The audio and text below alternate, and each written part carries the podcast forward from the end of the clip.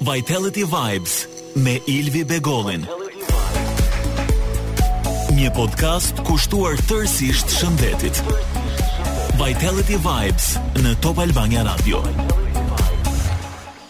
Mirëmbrëma të nderuar dëgjues të Top Albania Radios. Jemi në Vitality Vibes, një emision kushtuar tërësisht shëndetit dhe mjekësisë. Me mua në studio është Dori DJ, dhe DJ Arten, por patjetër që kam një të ftuar shumë të rëndësishëm sot. Ai është një diamant i neurokirurgjisë shqiptare, neurokirurg, Ridvan Alimehmeti është sot këtu me mua, i cili do të na tregojë disa kuriozitete dhe informacione për sa i përket neurokirurgjisë, problematikave të kolonës.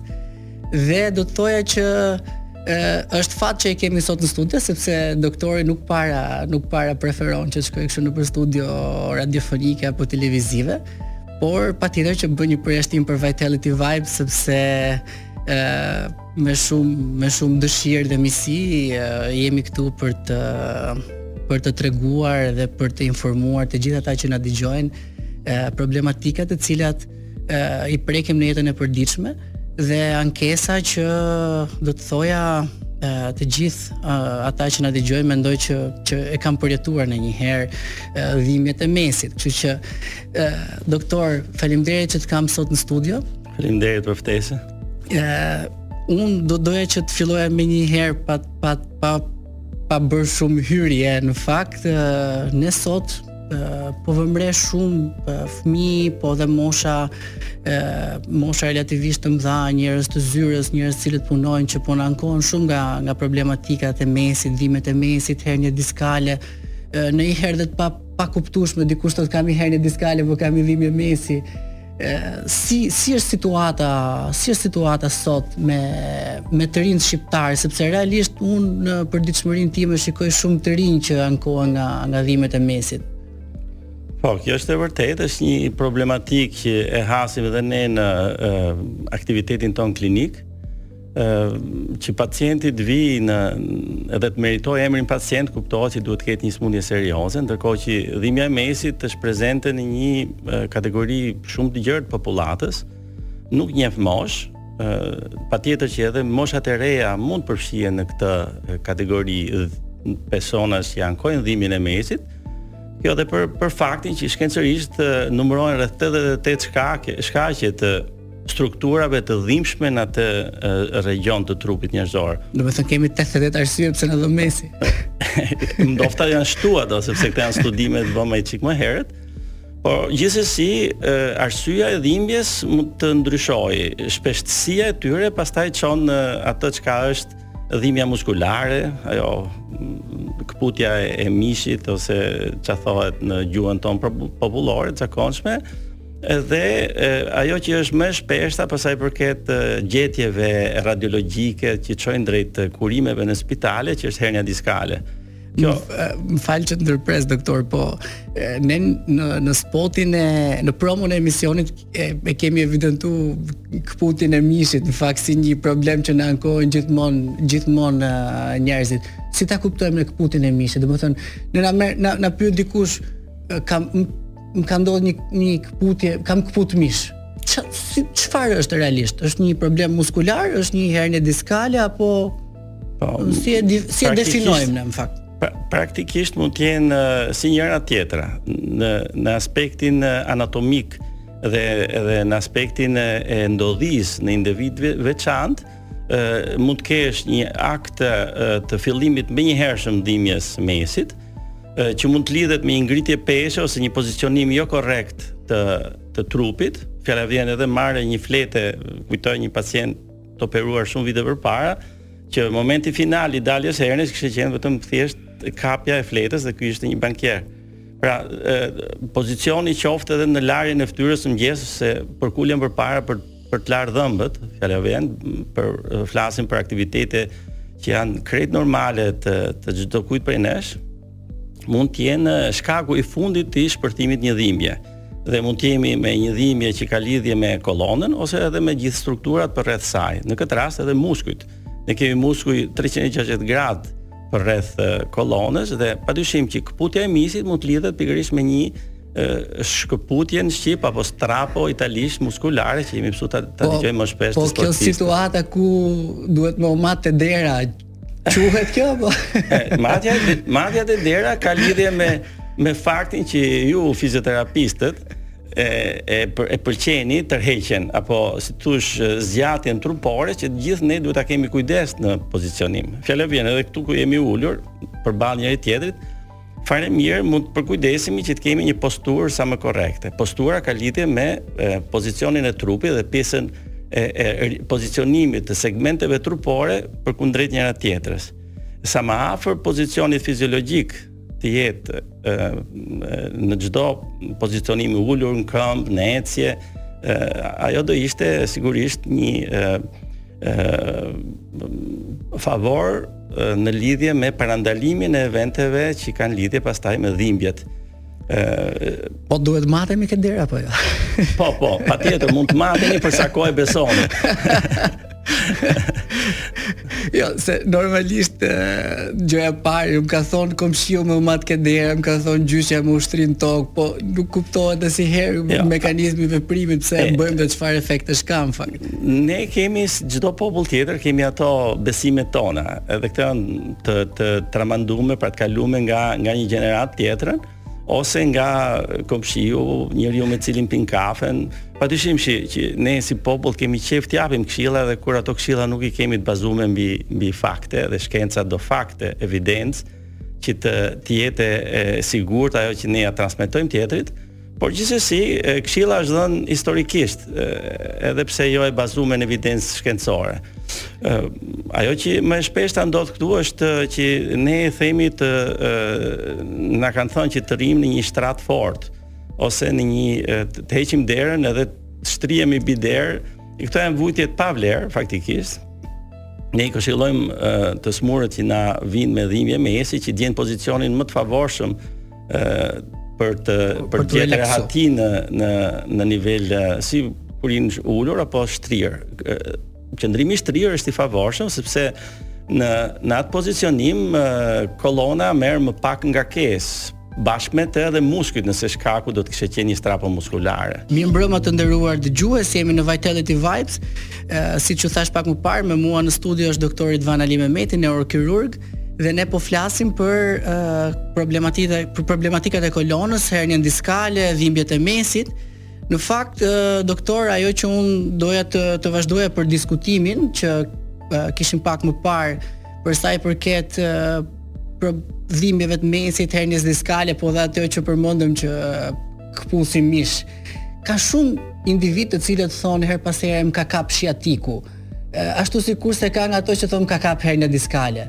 Shjatiku dhe hernia diskale janë e njëjta gjë? Po, këtu kemi nevojë për sqarim anatomik. Pra, nervi shjatik është nervi më i më i madh, më i gjatë, më i trashë i trupit njerëzor, ë që inervon pjesën e kofshës pasme dhe nën gju të çdo individi, pra gjithkush prej nesh e ka këtë nerv që të arrijë të, të spostohet.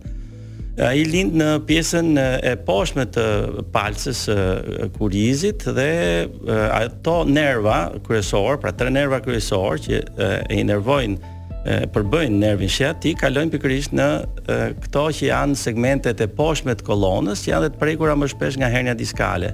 Pra një hernia diskale lumbare e pjesës poshtme të të kurrizit ku edhe aplik edhe ne e e referojmë ankesën e dhimbjes mesit, mund të jetë për shkak të shpeshtësisë hernia diskale dhe kuptohet që do të transmetohet kjo dhimbje, kjo klinikë. Pra një nerv le të themi na irritohet si pasojë e një problemi diskal. Eksakt, më e shpeshta është pikërisht kjo, hernia diskale. Për ata njerëz që qëndrojnë gjatë ulur, që janë njerëz zyre mm, shoferë të cilët qëndrojnë gjatë në një taksi dhe mbase mund na dëgjojnë në këto momente, Uh, ju çfarë sugjeroni në rastet e një pune e cila është ulur dhe që këta individë mund të jenë në risk për të pasur një hernie diskale apo një irritim të shjatikut në këtë rast? Po, së pari për personat që e, janë detyruar të kalojnë pjesën më të madhe të ditës ulur, e, është e këshillueshme që të zgjedhin një e, ulse, pra një sedile të mirë. Çka do të thotë që duhet të ketë lartësinë e, e vendit uljes,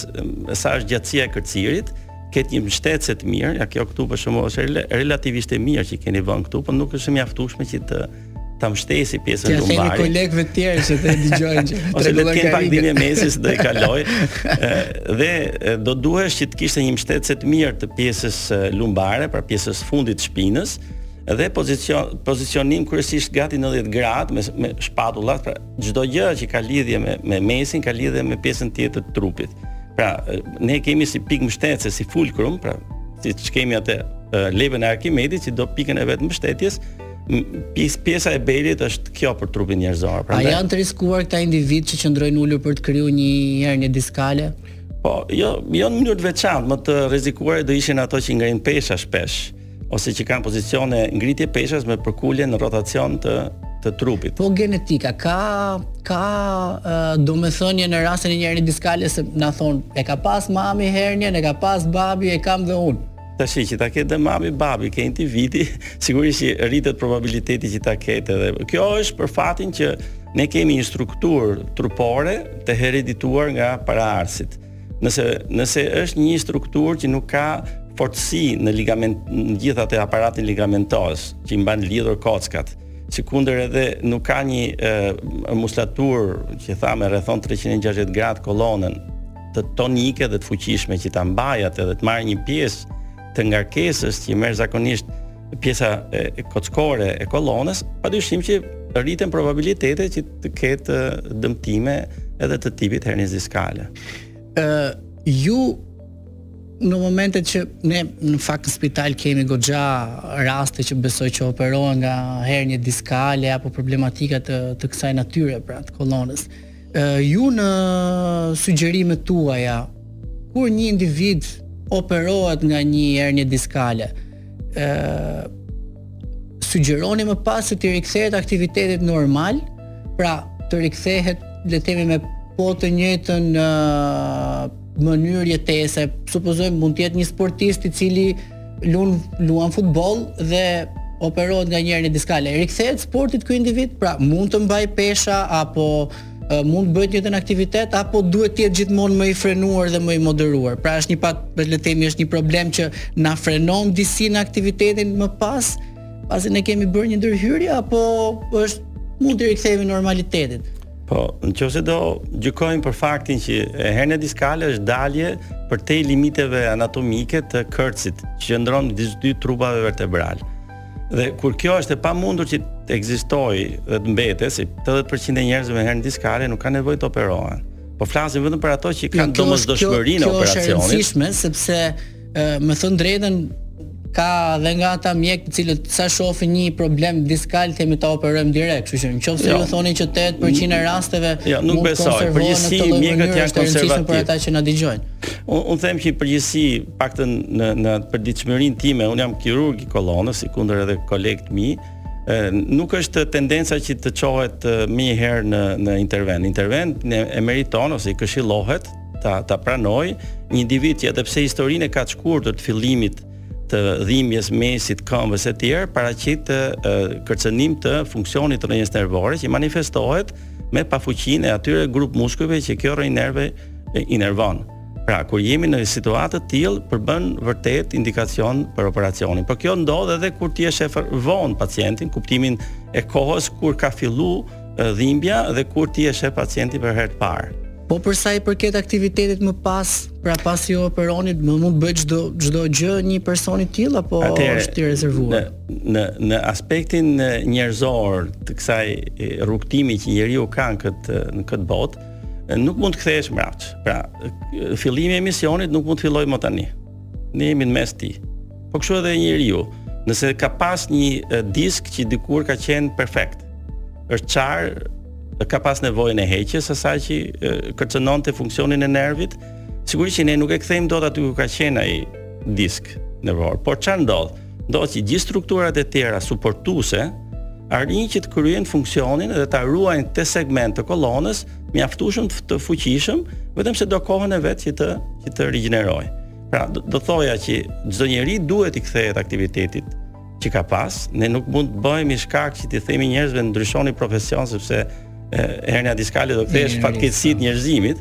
Përkundrazi, ke shumë njerëz që mund të kenë kaluar nëpër ndërhyrje kirurgjikale për domosdoshmërinë e bërjes së saj dhe mund të jenë kthyer kohës. Unë kemi ne kemi feedback-e nga shumë pacientë që na thonë që janë mirë. Pa dyshim që jo të gjithë e kanë këtë fat, mund të ketë një përqindje fare të vogël të atyre që do duhet që të rikthehen për tjera arsye ose edhe për një rikthim të një problemi hernie diskale kryesisht të segmenteve fqinje, një më lart ose më poshtë nivelit të operuar. Ë po për sa i përket aktivitetit fizik tek këta individë, çfarë sugjeroni ju? si përpara operacionit apo dhe pas. Pra, çfarë si, si mund ta menaxhojnë veten? Se siç siç thamë, kemi njerëz që na dëgjojnë dhe mbase njëherë në kushte shtëpiake apo çohet dikush në zyrë bën ca ushtrime toke dhe mund të bëjë gjëra të gabuara. Pra, domethënë ju çfarë sugjeroni në të tilla raste? Si mund të menaxhohet një situatë kur kam një hernie diskale apo kur kam një dhimbje mesi? Pra. Në bërjen e aktivitetit fizik, pra çfarë sugjeroni? Sugjeroni vrap, sugjeroni not, domethënë Kush janë ato po, rrugët që duhet të ndiqen? Sugjerimet janë rimarrja e aktiviteteve të mëparshme të kryera në mënyrë shumë graduale. Çka do të thotë që duhet me bërë çdo lëvizje, çdo aktivitet deri në limitin e lejuar se dhimbja praktikisht që ne e përjetojmë si si fatkeqësi, ajo është një ndjesi mbrojtëse e organizmit. në në sensin që përtej një limiti lëvizje, për sa kohë flasim për hernian diskale ose dhimbje muskulore, do thotë që ti po e lëndon, pra nuk po i lë kohë që të shërohet. Pra është është më e thjeshtë se sa shkencërisht e komplikuar që të ndjekësh një rimarrje graduale të aktiviteteve. Do të thotë pozicionimi i trupit, si në pozicionin këmbë, si ulur, e, sikundër edhe ato çka janë pozicionimet në lëvizje, duhet bërën deri në atë limit ku dhimbja nuk bëhet e e padurueshme. Po për sa i përket menaxhimit të dhimbjes në kushte shtëpiake, shumë individë përdorin nenjëherë të ngrohtin, nenjëherë të ftohtin, dikush vendos një lakër se ç'a s'dëgjojmë domethënë, e kupton? Kështu që Ë ju ç'a sugjeroni para se të vijë individi te mjeku? Dikush përdor medikamente, kemi shumë raste që njerëzit marrin medikamente pa kriter në fakt për të menaxhu dhimbjen. Tashi, në gjithë botën ka medikamente që lejohen të merren pa recetë mjekësore për të përballu dhimbjen. Sigurisht që duhet me ditë kush janë ato efekte anësore, në mënyrë që të mos merren nga çdo individ në mënyrë të tepruar që të mos japi efekte në organet e tjera, por sigurisht mund të merren për dhimbjen edhe pa shku te mjeku. Fjala vjen paracetamoli, ibuprofeni, po me doza sa më të kursyera, pra sa më pak. Ë kurse pyetjes pastaj lakra, prasi, spinaqi, Ne jemi në fazën, ne jemi realisht. Ne jemi në stinën ku lakra. Nuk përdor është... as raki me aspirinë, meqenëse, meqenëse. Po, dhe, vetëm se, se na, në aspektin, në aspektin shkencor ne nuk kemi asnjë fakt që t'i themi e ke të gabuar. E, duket pa vend, sepse normalisht e, ne kemi shkencë mjaftueshme që t'i përballojmë këto shqetësimet e njerëzve dhe kemi disa specialitete që merren me me me dhimbjen e mesit. Ose lesh dele pa larë. Atëherë, nëse do i kthehemi pyetjes ngrohta, të ftohta, tendencialisht duhet mbajt ngrohtë një muskul i dhimbshëm. Është ndryshe nga kur ti merr një kontuzion, një goditje direkte ose strapo muskulare gjatë një aktiviteti sportiv, sidomos apo në ë pra t'i themi të gjithëve që kur kemi hernie diskale të qëndrojmë të ngrohta. Eksakt. Perfekt. Mirëmbrëma sërish të ndëgjuar të të nderuar dëgjues në Top Albania Radio. Përpara se të vazhdojmë diskutimin, doja të thoja që ne kemi në kemi në dispozicion në dispozicionin tuaj e, dy numra telefoni ku ju mund të telefononi për pyetje për sa i përket rreth problematikave që neve po flasim 69 20 47 299 ashtu sikurse mund të dërgoni mesazhe zanore në numrin tonë në WhatsApp në 69 44 288 73 për të rikthyer diskutimin me doktorin Ridvan Alimehmetin neurokirurg doktor ne po flasim për atë të gjithë ata që na dëgjojnë po flasim për dhimbjen e mesit për hernien diskale por un doja t'ju thoja që në këndvështrimin tuaj Kush mund të jenë disa nga arsyet të tjera të cilat ë uh, mund të na shkaktojnë një hernie diskale apo irritime të të nervit shiatik. Pra me çfarë i lidhni tjetër? Ju vërtet thatë ka 88 arsye, po le të themi ato që janë më të shpeshta dhe rëndom që i shikoni shpesh. Po, nëse ne do flasim për arsye jashtë nivelit të e, kolonës muskujve që janë më të shpeshta, pra shkaqe të lidhura me këto struktura për për t'u shfaq një dhimbje mesi. Sigurisht që ka shumë rol edhe pozicionimi i trupit, pra postura, si ne qëndrojmë në rastin e një shfaqje ose mos shfaqje të një dhimbje të mesit. Sikundër, bashkë me këtë ka lidhje edhe e, e, sidomos një nga ato që janë sindromat e zënies së nervave në periferi, që quhet në gjuhën mjekësore sindromë e tunelit tarsal. Kjo është bllokimi i nervave finale të nervit shiatik në nivel të kaviljes, nga pjesa e brendshme e saj, aty ku ato futen në një tunel par, përpara se të japin inervacionin e, e ndjeshmërisë dhe muskujve të shputës së këmbës. Po pse vjen kjo doktor? Kjo mund të vijë për arsye të ndryshme, mund të jetë një një e, Këmbë e sheshtë, piede piatto. A dystabani. Dystabani që i themi ne apo mund të jetë një traumë më e hershme, mund të jetë një fascit plantar kronik, pra që do thotë është një strukturë në formë tende që quhet fascie plantare e pjesës së poshtme të të shputës. Kjo mund të kapi çfarëdo lloj moshe. Kjo mund të kapi çdo njeri në në momente të caktuara.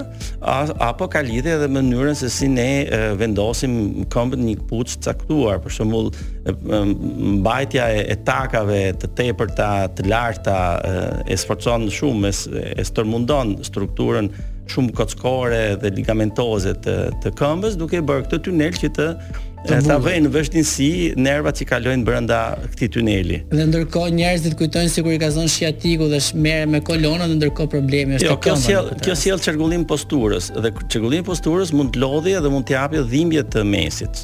Ça do thotë kjo? Do thotë që për të për të rehatu pjesën e tunelit tarsal, pra të këtyre nervave që kalojnë në pjesën e brendshme të kaviljes, pozicionimi i këmbës bëhet jo korrekte. Kryesisht mbështesin pjesën e jashtme të tabanit, të këmbës dhe kjo do të jepte edhe çrregullim të pozicionit të baçinit dhe për rrjedhojë bëhet shkak për dhimbjen e mesit. Kemi njerëz që mbasi zbulohet ky shkak i, i sindromës tunelit tarsal, mund edhe të kenë nevojë që të dekomprimohen me anë të një kirurgjie ditore me mpirje lokale të thjesht për të çliruar atë zonën ku po. është po, bllokuar nervi. Po, sigurisht që kjo bëhet fjalë vetëm për ato njerëz që kanë vetëm këtë problem, dhe s'kanë probleme të tjera të lidhura me kolonën, por në përgjithësi, mas moshës 50 vjeçare, pothuajse gjithë njerëzit kanë probleme të kolonës, nuk duhet tremben nga përshkrimet që mund mund të lexojnë nga e, e, radiologët që duhet përshkruajnë sa më saktë gjetjet e rezonancës. Gjithmonë është rezonanca po, magnetike gjith... si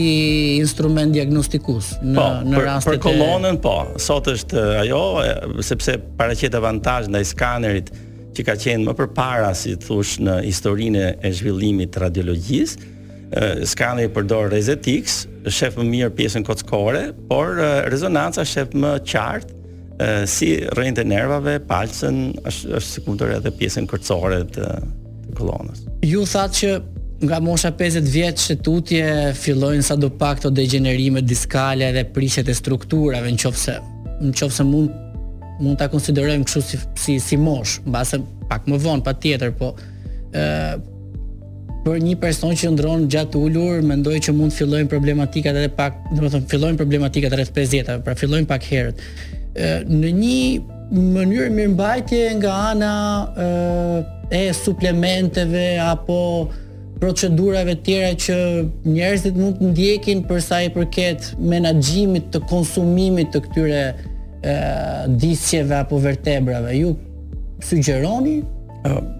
Nuk është se ka një formulë të, të, të gatshme që të themi përdorimi i saj do bënte diferencë në mënyrën e ushqyerjes apo të marrjes ose mos marrjes suplementeve, sigurisht që është afër mendjes dhe vërtetuar që sa më mirë të jetë metabolizmi i kockës, i kërcit si organ më vete, i muskujve, pa dyshim që do ishte kjo edhe ndikuese në shëndetin e kolonës dhe për rrjedhojë parandalimin e hernies diskale, tematika për cilën ne po flasim tani, por gjithsesi marrja e suplementeve do të ishte me vlerë në momentin kur ti konstaton që ke mangësi në në trup dhe sot ka analiza pa fund që mund të mund t'i mbajnë nën kontroll këto. Pra, sa herë që njeriu bën një një test periodik një herë 6 muaj apo një vit, duhet të përfshijë edhe elemente siç janë elektrolitet apo vitamina, siç është ajo D. Për të parë nëse kemi mungesa ose jo. Po,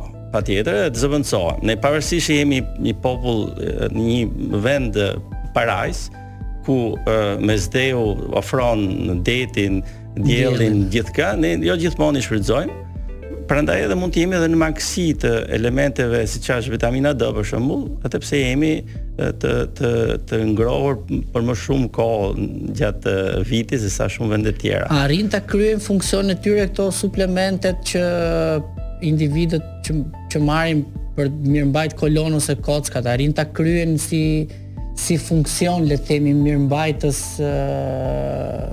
nëse ne i përdorim apo unë nuk besoj se është kjo thelbësorja ne kemi mundësi ushqimi shumë më të mirë se sa dikur edhe nuk është se janë bërë studime që të krahasojnë periudha të ndryshme më më tepër se sa suplemente do të kisha thënë do ishte higjiena në këtë rast higjiena e posturës që duhet të kuptohet e, e, kultura apo zakoni i të mbajtmes së trupit e, në, në, në pozicion korrekt. Pra duhet herët që në fëmijët moshë shkollore e, të udhëzohen që të qëndrojnë sa më saktë në e, tavolinat e studimit, dhe sigurisht në sporte duhet të kenë parasysh që të jenë ato sporte siç gjimnastika, noti, që janë më të preferuara sesa sportet e tjera që mund të jenë traumatike për kolonën, siç është peshëngritja, sigurisht që duhet të kesh një përgatitje në radhë të parë gjenetike, pra duhet të jesh i prirur që të kesh një strukturë të fortë, përpara se t'i ekspozohesh edhe peshave që të jenë në rritje graduale, pra duhet të jetë sa më e menduar, çdo ngarkesë që merret. Njeriu duhet ta përgatisë trupin përpara, po edhe mendërisht duhet të jetë i gatshëm që të ngrejë një peshë. Peshat duhet ngritur me me gjunjët e ulur, pra duhet të ulemi me me kolonën në pozicion vertikal, ta afrojmë te vetja peshën dhe pastaj të ngrihemi bashkë me peshën duke sforcuar vetëm gjunjët. Tashi edhe gjunjët sigurisht duhet t'i konsumojmë në mënyrë të të zgjuar, mm. se pastaj do të jetë subjekt për një koleg të ortopedisë, i merret me gjunjët pas. Tek ata fëmijë të cilët mbajnë çanta të rënda janë në risk për t'i prish disqet që në moshë të hershme? Kjo është pyetje shumë me vend. Edhe unë në vitet kur fëmijët shkoshin në tash i kam në moshë të rritur, pak a shumë edhe nuk e kanë problem peshën e e, e çantave, Po kur ishin në në moshë fillore me librat që kanë peshë tashmë sepse janë ë me një material me ngjyra e tjerë me radhë që bën librin shumë të rëndë. ë pa dyshim që pesha e çantave është është e tepruar në gjykimin tim. Pra duhet të, të shifet nga pikëpamja e arsimit, shkollave etj. Po, jo, është e rëndësishme se ne kemi fëmijë që marrin gjithë çantën me vete, të mos mbahen libra me vete. Ketë një peshë që të mos ta kalojë 2-3 kilshin. Total. Po besoj. Sidomos sipas strukturës, kuptohet që sa më i vogël, sa më struktura. Do të jetë një risk për të pasur problematika në të ardhmen. Patjetër. Zbuloni teknologjitë inovative të kujdesit mjekësor nga BTL Medical. E krijuar në një mijë e nëntëqind e nëntëdhjetë e tre, BTL ka arritur të jetë një ndër prodhuesit më të mëdhenj në botë të pajisjeve mjekësore në mbi tetëdhjetë shtete në të gjithë botën. BTL është një kompani e cila bën suportin e Vitality Vibes dhe është lider në tregun e trajtimeve joinvazive me mision rritjen e efektivitetit të trajtimit dhe uljen e kohës së rekuperimit të pacientit. Patjetër që është një lider në 80 vende të botës ku është e fokusuar në kardiologji, fizioterapi dhe mjekësi estetike.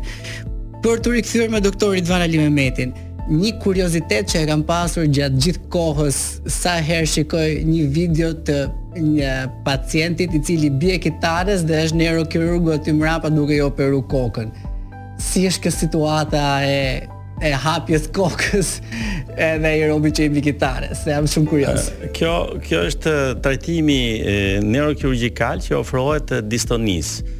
Distonia është një kategori e veçantë e sëmundjeve të çrregullimit të lëvizjes që ka lidhje me çrregullimin e tonusit të muskujve. Kjo ndodh në të gjithë ata që janë profesionistë të profesioneve që përdorin shumë duart Aty futemi dhe ne kirurgët, që kanë domosdoshmërinë e përdorimit të pozicioneve të caktuara, por me precizion të lartë, ë të performancës. Po kështu edhe një muzicist, siç është një kitarist ose çfarëdo lloj tjetër. Po është kirurgji zgjuar ajo. Ajo është kirurgji zgjuar. Ne pacienti s'ndjen gjë. Jo, nuk ka dhimbje. Ne e kemi performuar për herë të parë në 2014-ën në Qendrën Spitalore Universitare. A do të thotë e bëjmë ne si me Parkinson? Si kirurgji. Po e bëjmë për të sëmurët me Parkinson, ë dhe e, pjesa e parë e interventit bëhet me anestezi lokale. Ti duhet mbas një përllogaritje shumë të gjatë me të gjitha ato që janë teknologjia më e fundit e, e shkencës neuroshkencës në në botë që disponohet arrin që të targetosh atë zonë të bërthamzave të thella trunore që është përgjegjëse për këtë lloj distonie, për këtë çrregullim të tonusit muskular. Duke e arrit këtë me anë të elektrodave që janë speciale, ti duhet patjetër që të bësh një stimulim me pacientin zgjuar, zgjuar. gjatë ndërhyrjes, këtu është roli i neurofiziologut i cili çon aq impulse sa duhen për ta rregulluar çrregullimin e kësaj bërthamze trunore dhe ti do shohësh patjetër performancën. A ka apo jo? inovacion në neurokirurgji, besoj apo po, ka hyrë teknikat e vjetra tashmë, nga 2014 ka gati 10 vjet. Jeta sot rrjedh shumë shumë shpejt. Dhe e, ky emision nesër nuk është më aktual. Kështu që edhe kjo teknologji ka vite që ekziston, ka qenë atëhere kur e, un kam qenë e, specializant vitet 90 si e, gjë e re dhe tashti është në fazën e rutinës, e, nuk është më e, e re.